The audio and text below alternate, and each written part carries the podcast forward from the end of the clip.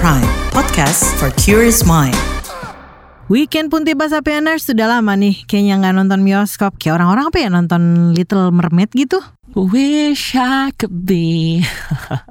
Jujur gue FOMO banget ini walaupun gue hostnya FOMO Sapien tapi aduh sampai sekarang gue belum nonton Little Mermaid tuh gimana ceritanya sih.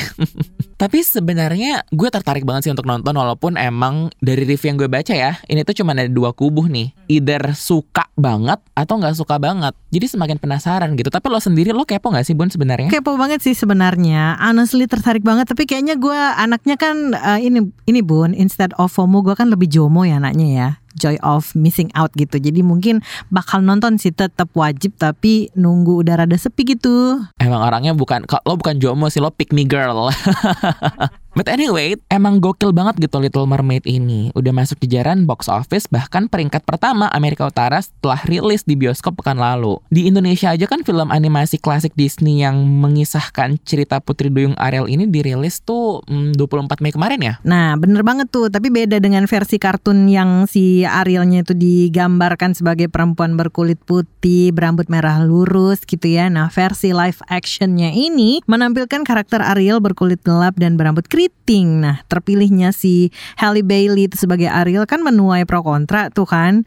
Ada yang seneng kayak lu bilang tadi gitu, surprise seneng banget gitu dan merayakan diversity. Tapi ada juga yang sebaliknya bun, yang rasis abis. Tapi itu yang bikin gue heran sih. Sang sutradara The Little Mermaid, Rob Marshall aja tuh bilang alasan utama mencari aktris terbaik yang cocok memerankan karakter Ariel ini terlepas apa pun ras dan etnisnya. Dan Halle Bailey dinilai yang paling cocok untuk menjadi Ariel. Lagian kan Little Mermaid itu kan fiksi ya bun, jadi ya seharusnya bebas sekali mau gimana pun bentuknya.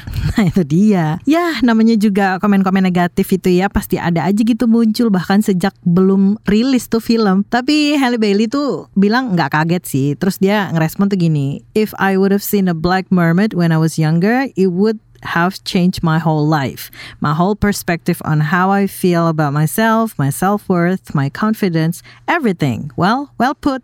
Tapi anyway, nggak hanya Hale juga sih. Ini pemeran Ursula, Melissa McCarthy, juga kena sorotan warganet loh kemarin. Karena kan makeup artist Melissa bernama Peter King ini dikritik atas penampilan makeup Ursula. Berbagai kritik tuh dari komunitas drag queen menilai tampilan Ursula versi Melissa itu sangat ofensif dan seharusnya dilakukan oleh penata rias queer aja gitu sekalian. Wow, but we can't please everyone, don't you think? Gue sih happy aja gitu ya, makin ke sini diversity itu kayak makin sering ditampilkan gitu. Salah satunya ya lewat film kayak The Little Mermaid itu tadi. Ya gue sih setuju banget ya. Anyway, kamu lagi dengerin FOMO Sapiens dari Kabar Prime, jalan pintas yang gak bikin kamu ketinggalan berita atau peristiwa di sekitar kamu. Bersama saya Ian Hugen. Dan saya Aika.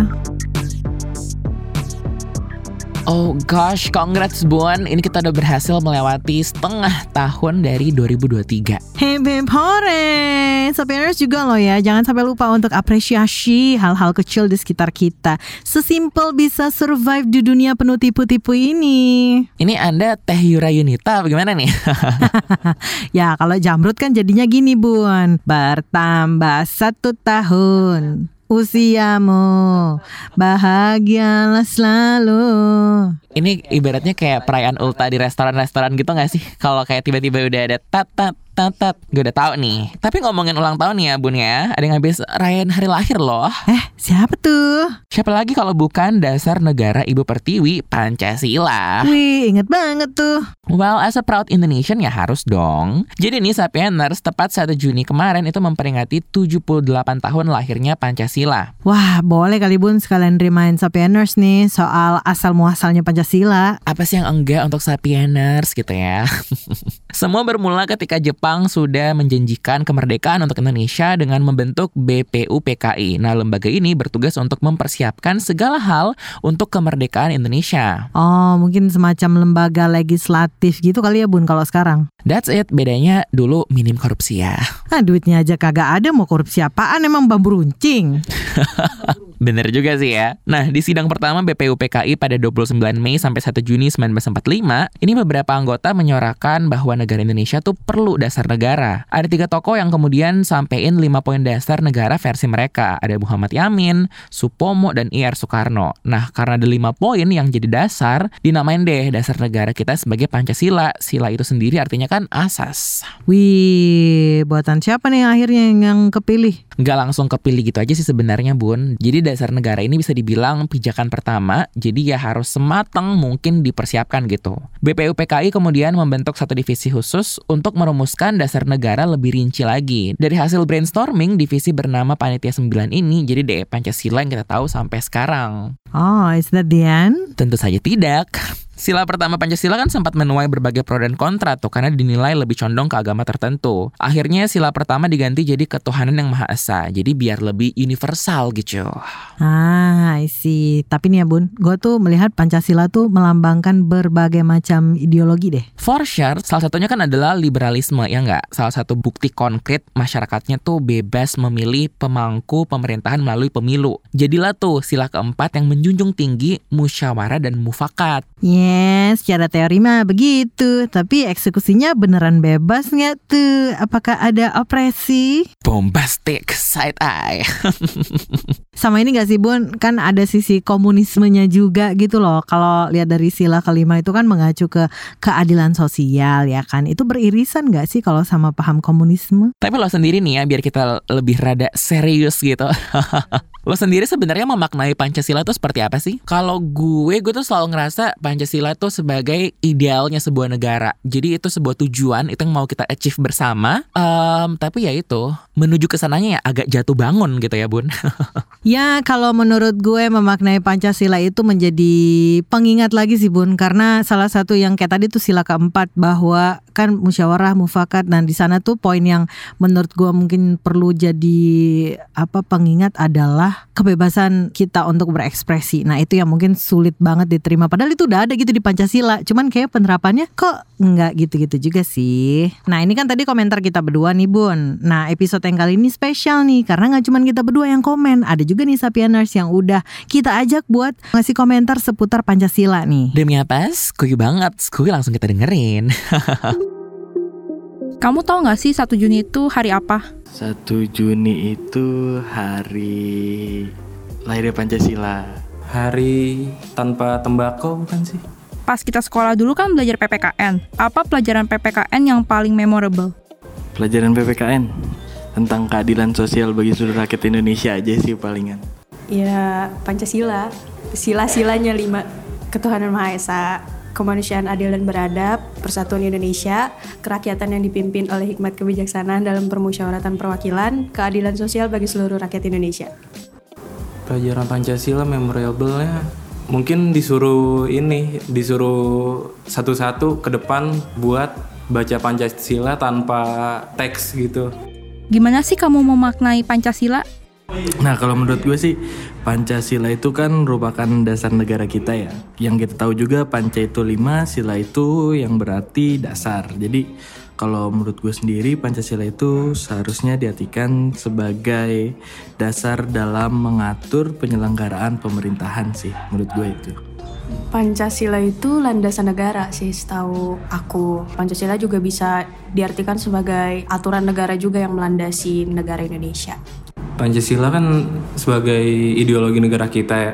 Jadi kita otomatis kita harus me mengamalkan Pancasila itu sebagai istilahnya kayak landasan kita dalam sehari-hari hidup. Kita harus ada landasan Pancasila itu loh. Misal kayak yang paling sederhananya adalah sila kedua kemanusiaan yang adil dan beradab ya. Kita harus memanusiakan manusia gitu loh ya ada ada simpati empati kepada sesama yang lain sesama orang Indonesia juga dong harusnya gitu. Tolong menolong lah istilahnya gitu.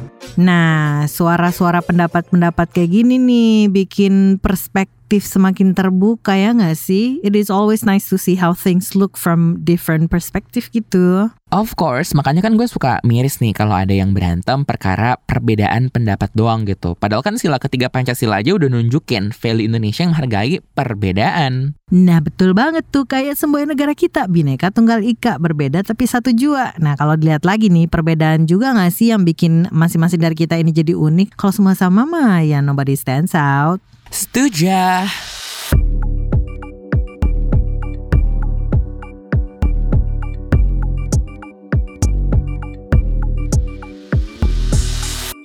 Bun, you know what? Gue pengen makan bangku kuliah. Ini gimana sih ini nasi padang udah nggak ngefek ya sampai bangku segala tuh pengen disantap gitu. Eh kan gue lagi jadi intern debus, magang jadi anggota grup debus. Tapi ngomongin soal bangku kuliah emang nggak bosen apa kuliah mulu gitu? Ya makanya gue nggak ngelanjutin kuliah. Eh ya, ya bukannya lo yang pernah cerita mau ini mau ambil S2 gimana emang kelanjutannya? Hmm, akhirnya gue ngincar beasiswa sih. Jadi kayaknya harus nunggu dulu kali ya sampai gue udah siap untuk mematangkan diri nih baru kita tancap gas. I see.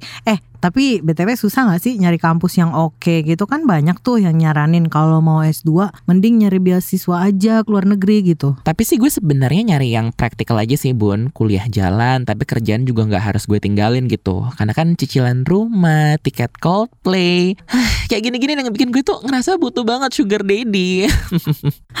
Pilihan katanya tuh belum ya, tapi gue dukung semangat juang lu deh bun. tapi gue bercanda ya Sapieners, alhamdulillah nih nggak perlu tambahan gula, eh kita masih bisa bertahan hidup kok ya. Amin. Tapi kalau semisal nih kampus gue termasuk yang izinnya dicabut gitu, gue masih bisa lanjut kuliah gak sih? Ini sebenarnya kita ngobrolnya ke arah mana sih kalau boleh tahu?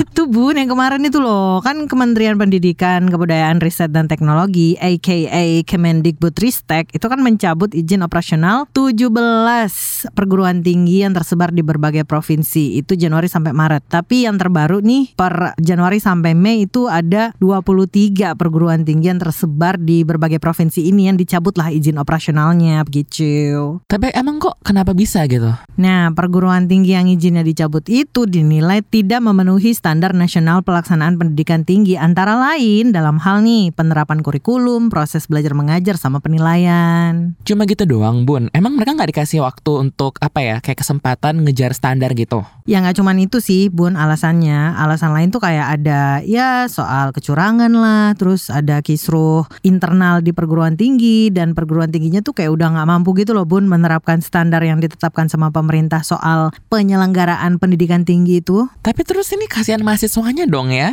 jadi kuliah mereka akhirnya gimana nih? Nah, untuk itu kita ngobrolin aja nih barengan sama peneliti kebijakan publik dan pendidikan Pak Toto Amin Sufianto. Ini kan eh, Direktur Kelembagaan Direktorat eh, Dirjen Pendidikan Tinggi Riset dan Teknologi Diktiristek. Ini kan membawahi lebih dari eh, 4.000 perguruan tinggi dengan hampir 30 ribuan jurusan nih Pak. Tapi kalau catatannya Bapak nih, kira-kira kualitas perguruan tinggi di Indonesia secara general tuh gimana sih Pak? Baik, jadi banyak cara mengukur kualitas ya. Tapi kalau kita ukur pakai ukuran resmi kualitas yaitu akreditasinya, sebenarnya belum banyak yang akreditasinya A kan. Masih banyak yang ya kita akreditasi B gitu mayoritas B dan C. Jadi itu ukuran kualitas itu. Ada ukuran kualitas lagi misalnya soal kinerja dibandingkan misalnya dengan perguruan tinggi yang ada di seluruh dunia gitu ya. Hasil riset, kutipan, karya-karya ilmiah, nah itu masih lebih jauh lagi kita. Jadi pada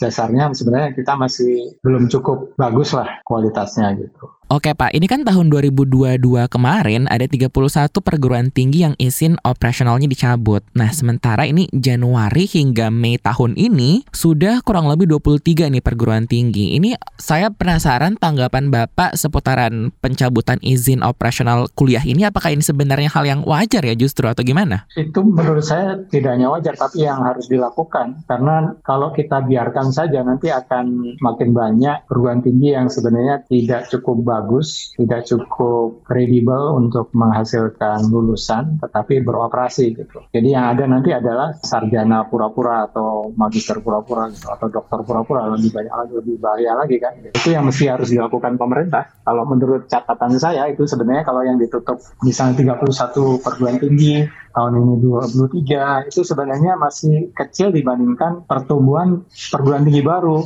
gitu. Jadi kalau catatan saya perguruan tinggi itu tercatat tahun 2021 itu ada 3.975.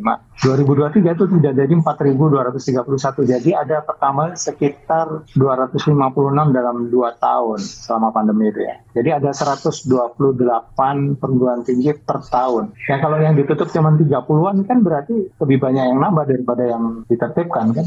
tadi Bapak sebut juga muncul gitu ya ada kampus-kampus baru, universitas-universitas baru gitu. Nah, standarnya sendiri terhadap pelaksanaan pendidikan tinggi gimana tuh Pak sejauh ini? Perguruan tinggi ini kan manajemennya terdiri dua ya, operasional dan akademik gitu ya. Jadi hal-hal yang sifatnya operasional ya, bagaimana urusan SDM, keuangan, sarpras gitu ya, tata kelola, tata pamong, visi misi. Nah itu itu harus dikelola dengan baik untuk mendukung kegiatan akademik yang seperti misalnya Tridharma perguruan tinggi yang pendidikan, penelitian, pengabdian masyarakat gitu ya output dan capaian. Jadi semua itu sebenarnya sudah ada di dalam kriteria 9 kriteria akreditasi perguruan tinggi. Jadi semua perguruan tinggi memang harus memenuhi kriteria itu terlepas dari beban administrasi yang terlalu besar ya. Tapi itulah yang harus dipenuhi agar masyarakat yang menjadi konsumen dari perguruan tinggi itu terlindungi gitu. Anda kan nggak mau kita masuk perguruan tinggi, oh kok gampang banget ya nanti terus habis itu tiba-tiba udah dapat ijazah Sementara ada perguruan tinggi yang begitu sulit untuk dapat ijazah untuk lulus, ada lagi yang seenak dalam tanda kutip ya, seenaknya saja menyelenggarakan pendidikan tinggi gitu. Jadi tidak boleh sembarangan dalam penyelenggaraan pendidikan tinggi. Jadi harus pemerintah harus lebih tegas lagi. Menurut saya kurang tegas, jadi harus lebih tegas lagi gitu. Gimana misalnya minimal jumlah mahasiswa ini itu harus di, diatur karena banyak ataupun sebagian besar perguruan tinggi swasta itu mengandalkan uang kuliah kan sebenarnya SPP gitu. belum sumber pendapatan yang lain. Nah, kalau sumber pendapatannya FPP masih kecil, mau menggaji dosen seperti apa gitu? Bagaimana penyelenggaraan kuliah berjalan dengan baik kalau secara ekonomi sebenarnya perguruan tinggi itu tidak tidak layak gitu. Oke, ini sesuatu yang sangat menarik ya dari tadi kan uh, Bapak sudah cukup banyak gitu nyinggung seputaran standar nasional pelaksanaan pendidikan tinggi yang menjadi um, salah satu alasan gitu ya banyak izin pencabutan. Tapi bukannya standar itu seharusnya sudah dimonitor ya Pak ya dari awal seharusnya ya nggak sih? Atau mungkin saat mendaftar ada proses-proses yang akuntabel itu terjadi nggak sih ketika misalnya ada kampus baru yang baru mau buka gitu? Selama ini pemantauan itu cukup ketat ya. Jadi bahkan penyelenggaraan perkuliahan itu sudah diawasi dengan ketat. Jadi misalnya nih, saya punya misalnya satu kelas saya mengampu 20 mahasiswa gitu ya, S2. Itu setiap bulan harus menyampaikan absensi mahasiswa kehadirannya, mata kuliah itu siapa saja yang hadir, nilainya berapa. Jadi tidak cukup hanya memberikan nilai akhir, kita juga harus menunjukkan proses belajar mengajarnya seperti apa, absensi tiap pertemuan berapa banyak. Itu sudah dipantau dengan ketat. Saya kira penutupan ini setelah pemerintah ataupun dalam hal ini Dirjen Dikti mengamati beberapa operasional dari kampus-kampus ini kelihatannya tidak benar gitu pelaporannya. Kalau Bapak sempat menyinggung bahwa sanksi yang penutupan ini kurang tegas gitu. Yang paling tegas nih menurut Bapak kudunya kayak gimana nih? Jadi gini, seharusnya ketika ditemui ada masalah, ketika minggu pertama, minggu kedua, misalnya sampai minggu ke-6 gitu kan, itu total misalnya normal itu ada 16 minggu. Minggu keempat, kelima sudah ada tanda-tanda tidak benar, pemerintah langsung kasih warning gitu, cepat. Ini mana? Nah biasanya sih perguruan tinggi segera submit apa laporannya gitu ya. Jadi sebenarnya pemantauannya sih sudah cukup gitu ya. Tetapi menurut saya yang lebih perlu dilakukan adalah melihat secara di lapangan seperti apa gitu. Kan itu laporan hanya di atas kertas ya. Dan itu kan harus di, dicek secara misalnya random gitu ya dari empat ribuan perguruan tinggi itu misalnya dicek random misalnya minggu kelima saya cek di sana benar nggak seperti ini. Benarkah dilakukan kegiatan kuliah secara benar? Benarkah ada dosennya? Siapa dosennya segala macam. Jadi kalau yang ditutup tiga bulan ini sebenarnya ya hanya mereka yang sebenarnya tidak benar-benar beroperasi dengan baik dan pelaporannya juga amburadul gitu ya, itu langsung kena pencabutan.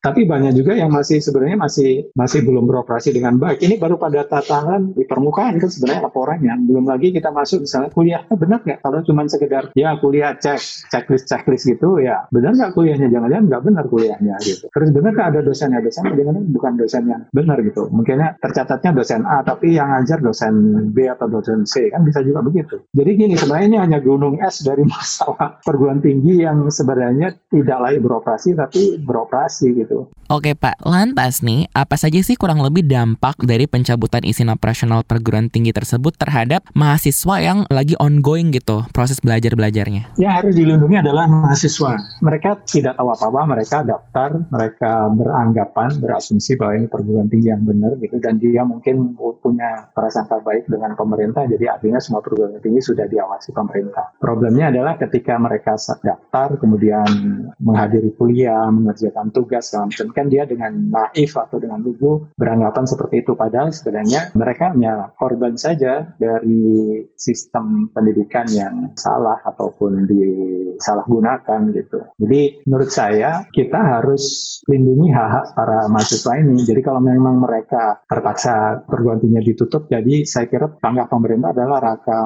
langkah transisi ataupun recovery buat mereka, dicek lagi mata kuliah apa yang sudah diambil, berapa SKS, dan itu mudah-mudahan bisa ditransfer ke perguruan tinggi lain dan itu difasilitasi oleh pemerintah. Dan saya pikir pemerintah udah benar kalau tidak salah sudah difasilitasi oleh Aldikti gitu ya dari masing-masing tempat atau dulu Kopertis gitu ya. Nah itu yang mengkoordinir mereka gitu ya. Dan saya kira itu tugas berikutnya dari penertiban ini adalah paling tidak harus ada contingency plan buat mereka yang menjadi korban dari penutupan perguruan tinggi ini. Gitu. Kalau mau lebih galak lagi sebenarnya pengurus yayasan atau pemilik pengelola perguruan tinggi swasta itu harus diberikan delik pidana karena dianggap sebagai penipuan kan gitu. Itu akan lebih ampuh lagi dari sekedar mencabut tanggal operasional juga ada sanksi pidana terhadap mereka yang menyelenggarakan pendidikan secara menurut saya ya secara sembrono.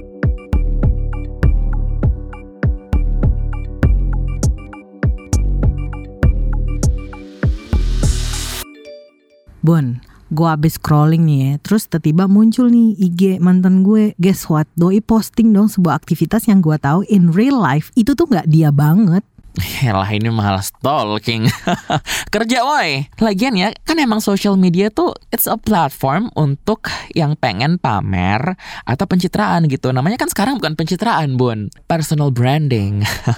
Jadi ya sah-sah aja dong. You can be free to be who you wanna be Di social media. Itu kalau pendapat gue ya Hmm, tapi emang menurut lu seberapa penting gitu pencitraan itu atau personal branding? Ya penting banget lah bun kalau misalnya personal branding atau pencitraan yang nggak jalan gitu ya, nggak bisa menggambarkan image yang sesuai sama apa yang dia mau portray, ya makin apa ya orang tuh jadinya nggak tahu, oh ini nih Aika nih, oh ini Ian, that's what makes you different gitu loh. Apalagi kalau pencitraannya positif. Hmm, tergantung kebutuhan dan tujuan ya nggak sih? Kayak lo tadi gitu yang lapaknya memang di sosmed ya penting banget pastinya kan. Personal branding itu gitu. Mungkin beda hal sama gue yang punya medsos ya. Kebanyakan buat stalking sama sambat bun. Nah itu makanya tergantung tujuan. Karena kan tiap postingan pasti punya maksudnya minimal dilihat di like di komen dan di subscribe gitu. Eh tapi kenapa so last week ya ini FOMO Sapiens episode ini? Anyway masa-masa sekarang tuh pas momennya buat digital personal branding kan demi Februari 2024 ya nggak ya nambah follower nambah voters begitu Lu inspired by Bang Aldi. Look at the stars itu ya. Asli. Tapi hey, tahun politik gitu loh. Iya kalau misalnya udah jadi public figure yang lalu kita bahas kan. Lah kalau buat bacalek yang nggak kita kenal kan pencitraan adalah kunci biar kalau pas nyoblos para pemilih tuh tahu gitu lo siapa at least. Main dong bisa dapat banyak masa tanpa terjun ke lapangan. Ya kalau gitu lu namanya nyuri start kampanye dong namanya. FYI ini Sapieners, Komisi Pemilihan Umum alias KPU itu kan udah menetapkan kan kalau masa kampanye pemilu itu 28 November 2023 sampai 10 Februari 2024 masih lima bulan atuh woi. Hashtag bombastic sadais ya bukan kampanye. Ini kan sebenarnya pencitraan doang saat-saat ini gitu. Jadi nggak boleh seuzon ya. Singkat soalnya waktu untuk membangun citra diri bun gitu loh. Jadi KPU dan DPR kan udah sepakat untuk mempersingkat masa kampanye pemilu menjadi hanya 75 hari dari durasi sebelumnya yang mencapai 5 bulan Waduh, banyak kali dipotongnya ya. Tapi kan nggak gitu juga dong nyelonong-nyelonong baik. Gimana gua nggak suuzon? Tiap buka medsos nih bun, mesti deh FYP gue tuh seliuran tuh minimal wajah-wajah yang mau nyapres itu loh bun. Entah jogging ala-ala, foto-foto sama warga, joget TikTok, and so on and so on. Iya biar wajah dan aksi mereka terpatri dalam hati dan pikiran lu, itu tujuannya. Jadi masuk dalam alam bawah sadar gitu loh bun. Dan nanti pas lo pengen nyoblos lo akan teringat kembali raut wajah mereka ntar. Sorry Mayori ya. Tapi personally kalau ada nih peserta pemilu yang nyolong start kampanye berkedok personal branding di medsos itu tadi Itu udah jadi nilai minus bun buat gue. Auto ini nih auto login masa mengambang deh gue. Tapi di BTW ya kita pernah bahas kan sekilas di FOMO Sapiens yang lalu banget itu. Gue pengen update nih sebagai lo nih sebagai pemilih muda gitu Lihat dalam tanda kutip kampanye tipis-tipis ini eh maksudnya personal branding itu para capres di medsos. Do you think it works? Menurut gue sih kampanye tipis-tipis di sosmed walaupun yang kayak tadi lo bilang ini sebenarnya nyolong start tapi sebagai anak muda ya gue kan emang bawa berita gitu loh bun. Jadi gue emang aware sama isu-isu sosial tapi gue rasa kebanyakan milenial, kebanyakan orang di generasi gue mereka tuh udah nggak baca koran, mereka tuh udah nggak buka-buka website sana sini, mereka tuh lihat apa yang di sosial media aja. Jadi semisalnya terjadi sebuah kampanye tipis-tipis di sosial media, kalau emang yang, yang ditargetin itu anak muda, make sense banget gak sih? Terus kalau soal apakah gue semakin yakin gitu ya dengan pilihan gue. Sejujurnya sih gue nggak mau bilang gue milih siapa. Tapi mungkin kalau misalnya dilihat gitu ya dari beberapa nama yang udah di sounding sounding, mungkin gue akan mundur sejenak dan melihat saingannya. Karena kayaknya selfie sama kucing aja kurang deh. Aduh, I see, I see. Ya boleh lah, ini kan waktunya masih cukup panjang nih ya. Mungkin buat Sapieners juga yang udah punya kandidat yang ditengok-tengok kayaknya sesuai dengan hati nurani. Ini masih ada waktu nih sampai ya sampai nanti Februari kan gitu. Jadi masih banyak waktu untuk menimbang-nimbang. Di satu sisi kan emang kita lihat ya Bun, kalau sosmed tuh jadi mempermudah banyak hal gitu. Kayak lu bilang tadi kan udah nggak ada baca koran dan sebagainya gitu. Untuk kampanye politik termasuk juga gitu. Tapi di sisi lain nih dampak negatifnya kan ya potensi meningkatnya hoax atau informasi bohong selama masa pemilu kan. Kalau dari datanya Kominfo dari Agustus 2018 sampai November 2019 gelaran pemilu 2019 total nih ada 3.900an hoax. Dengan hoax kategori politik itu paling mendominasi dengan jumlah 970 hoax bayangin. Waduh, padahal kan sebenarnya penggunaan sosial media bakal semakin masif ya untuk kampanye politik menjelang pemilu 2024. Ini tuh relate banget nih sama ini nih terbaru KPU berencana mengizinkan peserta pemilu 2024 punya 20 akun kampanye di setiap platform sosial media. Ini tertuang dalam rancangan peraturan KPU yang disampaikan ke DPR pada Senin 29 Mei kemarin. Sementara aturan sebelumnya itu tuh maksimal cuma 10 akun kampanye loh. Oh iya, gue juga sempat denger itu sih. Komisioner KPU Agus Melas itu wanti-wanti juga nih kalau akun-akun itu kudu ditutup pada hari terakhir masa kampanye. Tapi nih ya kalau berkaca pada pemilu 2019 itu kan masih banyak banget tuh akun medsos peserta pemilu yang aktif pada masa tenang pada saat itu. Yang maksimal 10 akun kampanye aja banyak yang bandel gimana mau ngawasin kalau akunnya 20 alias double begini bun? Emang ada aturan spesifik gitu yang mengatur kampanye di medsos? Sayangnya kita belum punya ya aturan yang memadai soal penggunaan media sosial dalam kampanye politik di masa pemilu. Nah ini yang kalau menurut Direktur Eksekutif di Indonesian Institute Adinda Tendriangke Muhtar, jadi salah satu faktor yang bikin penyebaran hoax tuh sulit banget dikendaliin bun. Karena peraturan KPU dan Bawaslu juga belum menyediakan mekanisme efektif dalam pencegahan dan merespon nih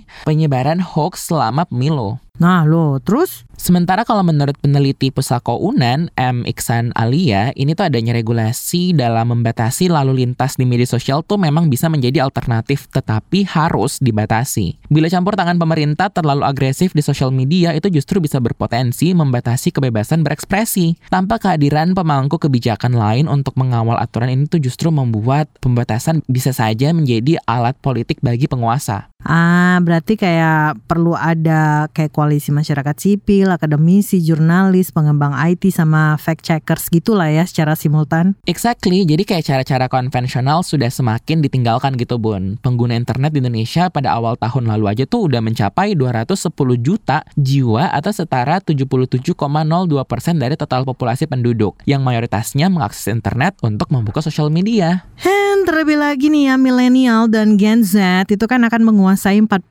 sampai 50% total pemilih 2024 mendatang tuh kan ya. You know lah, menguasai berbagai teknologi informasi dan sangat intens dengan aktivitas sosmed kan salah satu karakteristik Gen Z yang paling mencolok ya kan. Anyway, Sapieners, KPU resmi menetapkan 17 partai politik nasional dan 6 parpol lokal Aceh yang akan melaju sebagai peserta pemilu 2024. Kebayang dah tuh ya bakal kayak apa gitu banjir kampanye politik di tahun mendatang ini. Makanya bun, kita nih jadi para pemilih kudu jeli dan bisa ambil positifnya juga kali ya. Dalam era teknologi informasi ini kan lebih mudah dan cepat pula tuh kita dapat informasi soal para peserta pemilu itu. Ya tapi kalau gue sih ngelihatnya bukan konten yang narik simpati tapi personally gue prefer milih caleg atau capres yang bikin konten bergizi gitu untuk pendidikan politik masyarakat. Asik. Dan paling penting nih ya, konten yang diproduksi tidak melanggar aturan perundang-undangan. Kalau ngelanggar, gue auto coret sih dari list coblosan gue. Setuju.